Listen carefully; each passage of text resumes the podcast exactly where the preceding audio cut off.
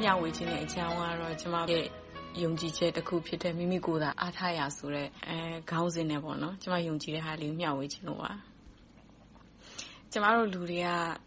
ကိစ္စအမျိုးမျိုး၊အမှုအမျိုးမျိုး၊အကြောင်းအရာအမျိုးမျိုးနဲ့ စိုးရိမ်ပူပန်မှုတွေ ရှိတယ်။နောက်တခုကတော့ကိုယ့်ရဲ့ဘဝ မတူညီတဲ့ အခြေအနေအရ ကိုယ့်ပုံစံနဲ့ကိုယ် ရုန်းကန်နေရတဲ့ဟာတွေ အများကြီးရှိတယ်။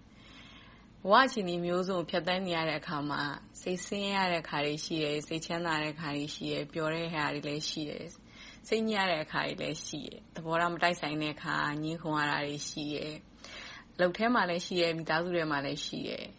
။တခါတလေ ကိုယ်နဲ့ ဆက်ဆံရတဲ့ အလုပ်သဘောအရ ဆက်ဆံရတဲ့ လူတွေကြားထဲမှာလည်း ရှိတယ်။မိသားစုထဲမှာလည်း ရှိတယ်။ အဲဒီလိုမျိုးအခါကြလို့ရှိရင် ကိုယ့်ရဲ့ခံယူချက်တွေက အများကြီး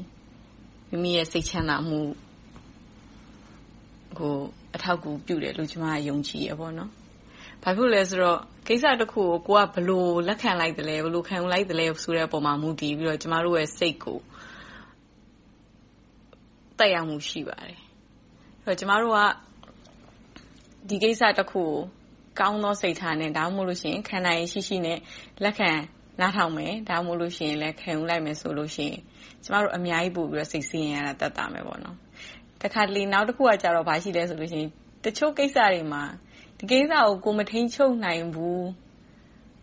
ဆိုတဲ့ဟာကို လက်ခံဖို့လိုတယ်။ကိုယ့်ကိုယ်ကိုယ်တောင် စိတ်တိုင်းမကျတာ။သူများတွေကို စိတ်တိုင်းကျဖို့၊သူများအမြင်နဲ့ ကိုယ့်အမြင် တူဖို့ဆိုတဲ့ကိစ္စကတော့ အင်မတန်မှ မလွယ်ကူတဲ့ကိစ္စ။အဲဒီတော့ ကိုယ့်ရဲ့စိတ်ဆင်းရဲမှု၊ကိုယ့်ရဲ့စိတ်ချမ်းသာမှု၊ကိုယ့်ရဲ့ပျော်ရွှင်မှု၊ကိုယ့်ရဲ့ဝမ်းနည်းမှုတွေ အကုန်လုံးက ကိုယ့်လက်ထဲမှာပဲ ရှိတယ်လို့ ကျမ ယုံကြည်တယ်။အဲဒီတော့ ကိစ္စတိုင်းကို စိတ်ညစ်စရာလို့ တွေးမယ်ဆိုရင်လဲ စိတ်ညစ်စရာပေါ့။ကိစ္စတိုင်းက ကိုယ့်ရဲ့လက်ထဲမှာ ထိန်းချုပ်နိုင်တဲ့ဟာ မဟုတ်ဘူး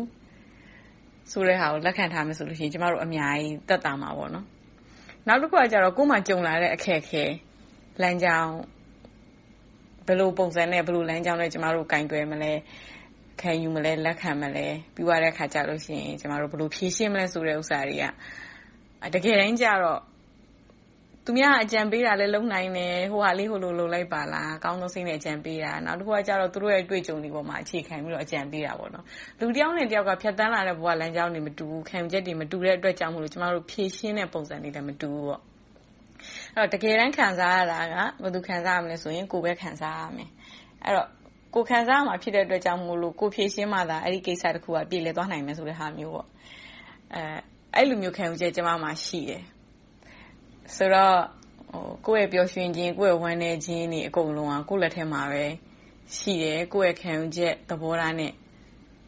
ပဲ ပိုပြီးတော့ သက်ဆိုင်တယ်လို့ ကျမကယုံကြည်တယ်။အဲဒီတော့ ကိုယ့်ရဲ့စိတ်ဓါတ် ခိုင်မာမှု ဘယ်လောက်ရှိသလဲ။ ဖြစ်လာတဲ့ ကိစ္စရပ်တွေပေါ်မှာ လောကဓံပေါ်မှာ ကိုယ်ဘယ်လို ခံယူရင်ဆိုင်မလဲဆိုတာပေါ် မူတည်ပြီးတော့ ကျမတို့ရဲ့ ပျော်ရွှင်ခြင်း၊ဝမ်းနည်းခြင်းတွေ။နောက်တခု စိတ်ချမ်းသာတယ်။ဘဝမှာ စိတ်ချမ်းသာတယ်။ဘဝမှာ စိတ်ဆင်းရဲရတယ်ဆိုတဲ့ဟာတွေက ကျမတို့ရဲ့ ခံယူချက်တွေနဲ့ ပြဿနာတွေကို ကိုင်တွယ်ဖြေရှင်းတဲ့ပုံစံ ဘဝပေါ်မှာ ခံယူချက်တွေပေါ်မှာ မူတည်ပြီးတော့ ဖြစ်လာတယ်လို့ ကျမ ယုံကြည်ပါတယ်။အဲဒီအတွက်ကြောင့်မို့ ကျမရဲ့ ပျော်ရွှင်ခြင်း၊ကျမရဲ့ဝမ်းနည်းခြင်းက ကျမကိုယ်တိုင်မှာပဲ တာဝန်ရှိတဲ့အတွက်ကြောင့်မို့ ကျမ မိမိကိုယ်သာအားထားရာ။အဲဒီလိုလို့ကျမယုံကြည်ပါတယ်။အပတ်စဉ်တင်ဆက်နေတဲ့သူယုံကြည်ရာကဏ္ဍအတွက်ဘယ်လိုအကြောင်းအရာမျိုးမှာမဆိုကိုယ်ယုံကြည်ရာလေးတွေကိုပါဝင်ဆွေးနွေးပေးဖို့ဖိတ်ခေါ်ပါရစေ။ Email လိပ်စာ burmese@voanews.com burmese@voanews.com ကိုစာရေးပြီးဆက်သွယ်ရမယ့်တယ်လီဖုန်းနံပါတ်ကိုအကြောင်းကြားလိုက်ပါခင်ဗျာ။ကျွန်တော်ပြန်ဆက်သွယ်ပါမယ်။